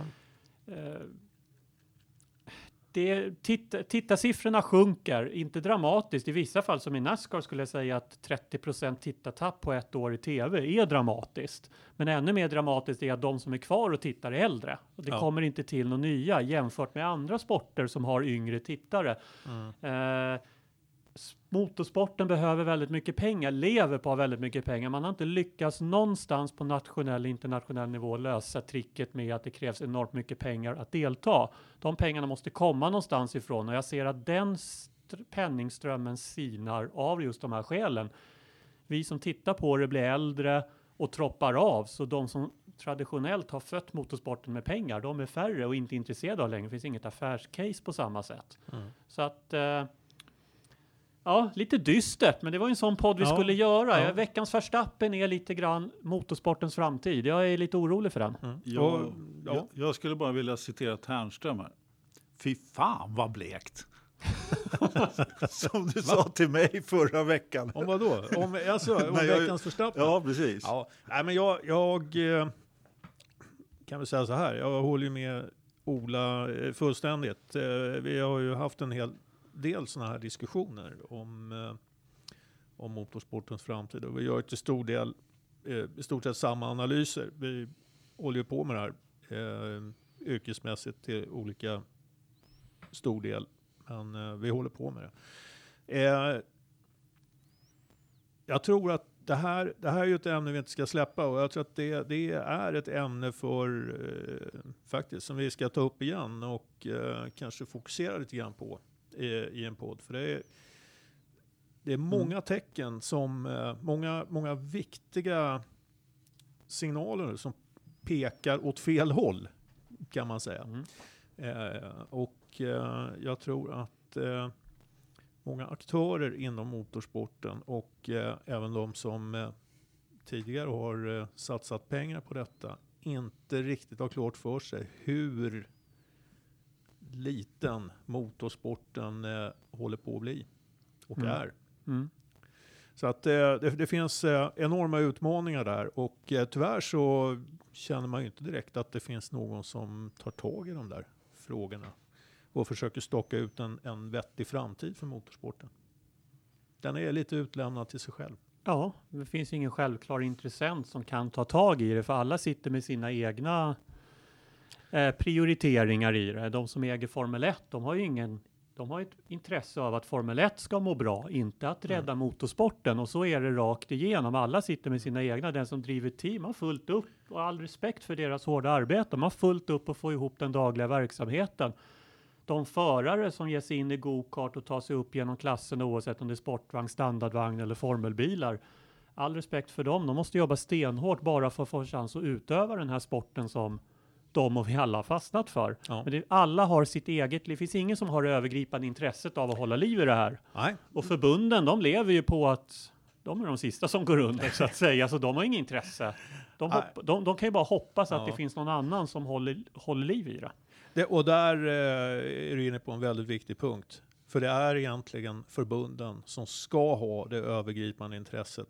Men tyvärr, från eh, FIA på internationell Mm. nivå ner till eh, de nationella förbunden så har man lämnat över ansvaret för den sport man eh, faktiskt gentemot sina medlemmar Mm. har ett ansvar att förvalta. Det har man lämnat över till, eh, till biltillverkare och andra intressenter. Man, man, man, man bidrar inte på något sätt till att, att styra sporten Nej, i, och det är i, i jämfört en med riktning som andra att... sporter. För ser vi fotbollsförbund, hockeyförbund, friidrottsförbund, skidförbund och så vidare så jobbar ju de mer eller mindre aktivt i alla fall med att utveckla sporten. Sen är det inte alltid att de gör rätt saker. Men de jobbar i alla fall just med det här att tillsammans med de som är med i sporten utveckla och försöka göra någonting av Mm. det. Och i- vad gör bilsportförbunden egentligen i det? De, eh, de sitter lite vid sidan av och administrerar licensen och vissa tävlingsreglementen. Ja, nej, men de har, eh, de har liksom släppt, släppt Mm. det ansvaret. Och eh, sen, sen finns det naturligtvis, i en sport som kräver så mycket kapital så, så har ju kanske ett, eh, ett bilsportförbund internationellt eller nationellt har ju kanske lite begränsade möjligheter att göra någonting. Men eh, man signalerar inte ens det här ansvaret. Och det tycker jag är lite beklämmande faktiskt. Men eh, det, krävs, eh, det krävs åtgärder även på andra håll. Så eh, det är alltså Max Mosleys fel alltihopa? Max Säga vad man vill om Max. Mosley, men han försökte åtminstone ta tag i och göra ändringar om, oavsett om de är rätt eller fel i Formel 1.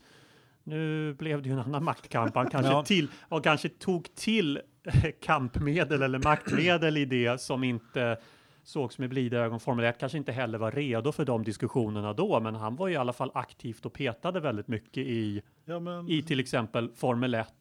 ja, så sålde han rättigheterna på 100 år. Eller 110 år. Ja, Ja. ja. men, men, eh, men grejen Måste var... vara snäll mot sina kompisar. också. Ja, jag alltså, menar det. eh, Mosley eh, tror jag var ju, var ju ganska på det klara med farorna. Mm. Eh, Och utmanade ju också teamen, men det, det, han förlorade ju den kampen. Ja. Och sen, eh, ja, sen var alla var väl naturligtvis inte redo för, för hans eh, Nej. eh, äventyr nere i källaren. Där. Riktigt. Där, där, liksom, där tappade han lite. Lite kredibilitet, Ja, ja. exakt. För, för eh, lyssnare som inte vet vad Ternström refererar till så när Max Mosley, han råkade ut för de här eh, tabloidtidningarna i Storbritannien, de som satte dit Svennis också. Och han eh, hamnade på första sidan med eh, uniform i någon form av... Eh, en, en, en nazi-uniform. Ja. Eh, Även om det inte var det. Sen ska vi säga att Ja, det, juridiskt precis. så fick Mosley igenom allt. Han drev ett Ja, ja. förtalsmål och fick Ja. rätt. Men det gav väl snarare hans fiender inom motorsporten lite, lite ammunition till att skjuta ner honom av andra orsaker. Som att han ville införa kostnadstak, budgettak, eh, egentligen nästan rasera Formel 1 för att starta ett nytt Formel 1 utan att biltillverkarna hade möjlighet att, att, att kontrollera och så vidare. Så att, eh, men tiden var väl inte mogen för det då. Det bästa av allt var ju då, nu tänker jag inte på, men, men han hade många intressanta idéer Mm. men eh, det raserades ju i källaren där som Ternström säger och hans farsa var ju dessutom då eh, fascistledare under kriget där och eh, Mm. nazist så att det var lite känsligt där på. Nu, nu blandar vi och ger rejält här. Jo, jo, men, nej, men det, det fanns ju med där och jag vet inte, han har ju antytt att han vet vem det var som låg bakom det där avslöjandet. Att det var ju någon som ville sätta dit honom. Mm. Och jag, vet, jag vet inte, om man läser mellan raderna där, vem, vem är det han egentligen pekar ut? Är det Ron Dennis eller vem, vem fan Det är är i det? alla fall den tolkningen jag har gjort, men det är Ja. kanske bara för att det ligger nära till hands så det på något vis det gör en bra story ännu bättre. Ja, herregud alltså. Ja, Det var ju också Mosley som ville stänga av McLaren efter spionskandalen Ja, ja. 2007 Ja, och ja. fick nöja sig med 100 miljoner dollar i böter. Inte Ron, inte. Inte skulle han göra så. Nej, Ron skulle, han skulle aldrig göra så. Han, han bjöd sin gamla personal på, på cirkus när han la av. Han är en snäll kille. Ja. ja. Eh, Anders, du, du, har du klämt ur dig någon förstappen? Nej, jag sitter och väntar. Ja. Jag har nästan glömt bort vem det var. Ja, Men eh, det lutar ju åt Max Mosley här ett tag, helt klart. Men, eh, eh, nej, men Ralph Aron. Ralph Aron. Jaha, Det är Jaha. veckans förstappen. ja, berätta mer då. Måste jag det? Ja, det tycker jag. Ja. Måste ju ha en motivation. Motivering. Måste, måste man ha motivering? Ja, motivering måste du Ja, okej. Ja, okej då. Ja. Han körde på sin... Eh, ha- Ralph Arons, för den som inte vet, då, är ju då en eh, F3-förare i Euroserie som eh, estlänning. Han eh, har då en stallkamrat i eh, F3 Euroserie som heter Juri Vips. Och eh, de här två, de är inte såta vänner kan jag säga. De har kört ihop i stort sett hela säsongen. Och eh, fightas på banan och utanför och lite så. Men nu eh, gjorde herr Aaron en inte alltför fin avåkning, eller körde helt enkelt på eh, Vips här i ett av de avslutande loppen. Så att Och vips så var han väck. Ja. Vips var han väck och Juri Vips vann faktiskt ett, eh, det näst sista loppet då, men eh, blev avkörd egentligen i, i det andra loppet och eh, körde väl upp sig från sista plats tror jag till poäng. Men eh, det var inte så ny, snyggt och det, det luckas ju lite grann om att eh, Vips var ju på väg att ta tredjeplatsen ifrån eh, Schwartzman där i samma tid, team som eh, Aaron. Så att, ja, Ja. Blev det några konsekvenser för Nej, det blev det inte. Nej. Vad kul. Annat än, vad- vad- vad- Den Tictum däremot, eh, Ja. Lövströms favorit, eh, blev ju avstängd 2016. Jag bara, bara slänger upp det sådär och försöker dessutom måla på dig den Tictum-stämpeln. ja, här, gör det. Anders. Lycka till. Ja. ja, men eh, hur, hur gick det för den här Aaron i mästerskapet? Då? Han eh, slutade sexa. Han har vunnit. Alltså, det är Ja, ingen, okej. Han är ingen dålig förare. Det, det, det här är två killar vi alltså kan få se fightas vidare Jag hoppas framöver det. Jag hoppas det. Alltså, de är absolut inte dåliga någon av dem. Jag skulle nog Ja. säga att eh, Aaron är eh, riktigt vass. Jag tror han har vunnit. Eh, jag Ja, men härligt. Vi vill En, se två, lite tre. rivalitet. Ja, alla gånger. Hoppas Ja. att de eh, kommer vidare båda två. Så Vips vann det estländska mästerskapet. Japp. Mm. Ja, men eh, då har vi avhandlat veckans förstappen. Mm. börjar vi ju närma oss. Jajamän. Med- med ta- med ta- Oundvikliga slutet. Ja, med tanke på allt snack här nu om eh, längdskidåkning och, Mm. och sådär. Så är, kan man dra på sig laggen och åka upp till Idre nu och, och, och ge sig ut där? Eller hur fan ser det ut? Nej, det går inte. Nej. Nej, det är sol. Det är är visserligen minus en grader. Det båda väl gott för. Ja. Men den, där, den dramatiska förändringen är ju att temperaturen i datorförrådet är nere på 12 grader. Fan vad Nu. märkligt. Var det går upp och ner här alltså? Det har legat stadigt runt de där 24-25 länge, men nu, nu har han något problem Ja. med det där datorförrådet. 12 grader, det gör mig lite orolig. Faktum är Ternström att om du vill, absolut vill åka skidor så är det så att på Idre fjäll så har man sparat en eh, rejäl drös snö till dig så att du kan åka upp. Och, de brukar faktiskt köra oktoberpremiär där också. Spott, skotta ut en, en rund bana. Så att Ja. det för, nu, förra veckans eh, så var det ju 10 grader varmt eller något sånt där. Mm, mm. Men eh, nu så är det ju, vad sa du, minus? Minus en Ja, i du vet. Grövelsjön. Då funkar det. bru- Brukar inte du åka ut för? Jo, det med.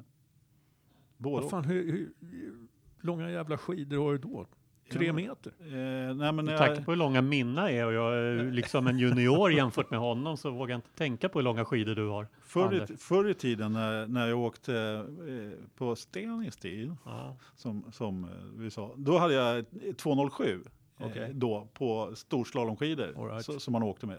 Så att säga. Men nu för tiden så är ju alla carvingskidor så att de är ju, det är bara en massa plätt, små korta plättar att svänga runt på. De Okej. är ju korta som 1,87. Ja. Ja, det, det blir en liten shout-out här till eh, en av våra lyssnare, Erik Lindgren, som jobbar med på delbara längdskidor. Ja, det. gör, ett- gör en prototyp till Anders Lövström. Han Exakt. behöver, han, finns Han inte en behöver- bil han lång nog behöver att få plats med hans ja. skidor. Alltså längdskidor är ju en annan femma. Där, där, där behöver man ju inte ha så mycket längre skidor för att man är lång. Så att säga. Men, men utförsåkning där kan ju vara bra om man har lite längre laggar.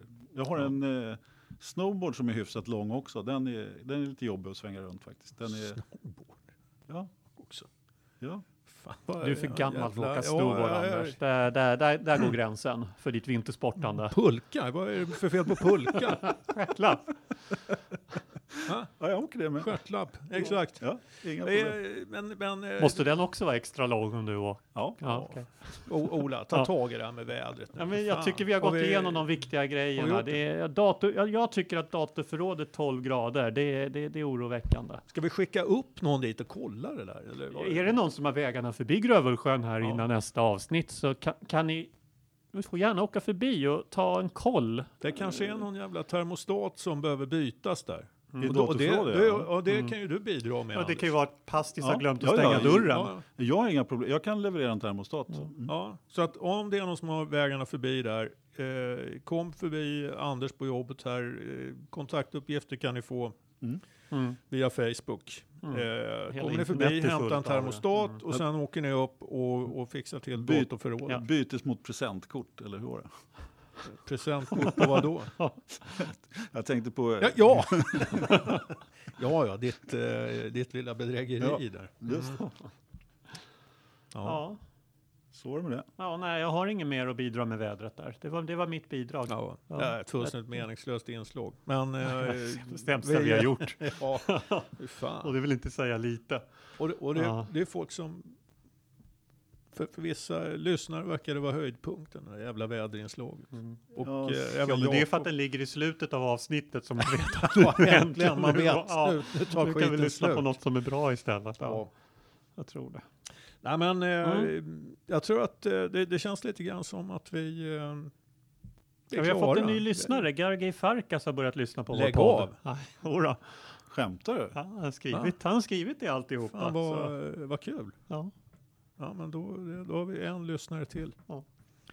Han skriver ingenting om att han lyssnar på hela avsnitten, så han kanske aldrig hör det här. Men du, du talade ju om i början hur många lyssnare vi hade. Nu har vi ju då, vad Mm. sa du? Ja, runt 400 400 plus en till. Ja, Ja. 401. 451 lyssnare.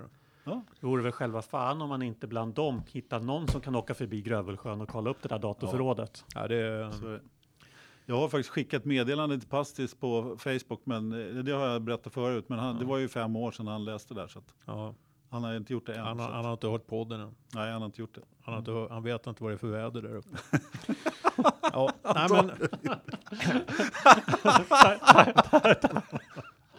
Tack, tack, tack för det då.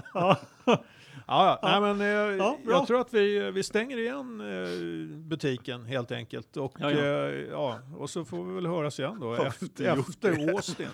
Förmodligen har vi ingenting att snacka om då heller. Nej, antagligen inte. Nej. Ja, nej, men eh, tack ska ni ha. Tack ska ni ha. Hej då. hej. hej. Hej.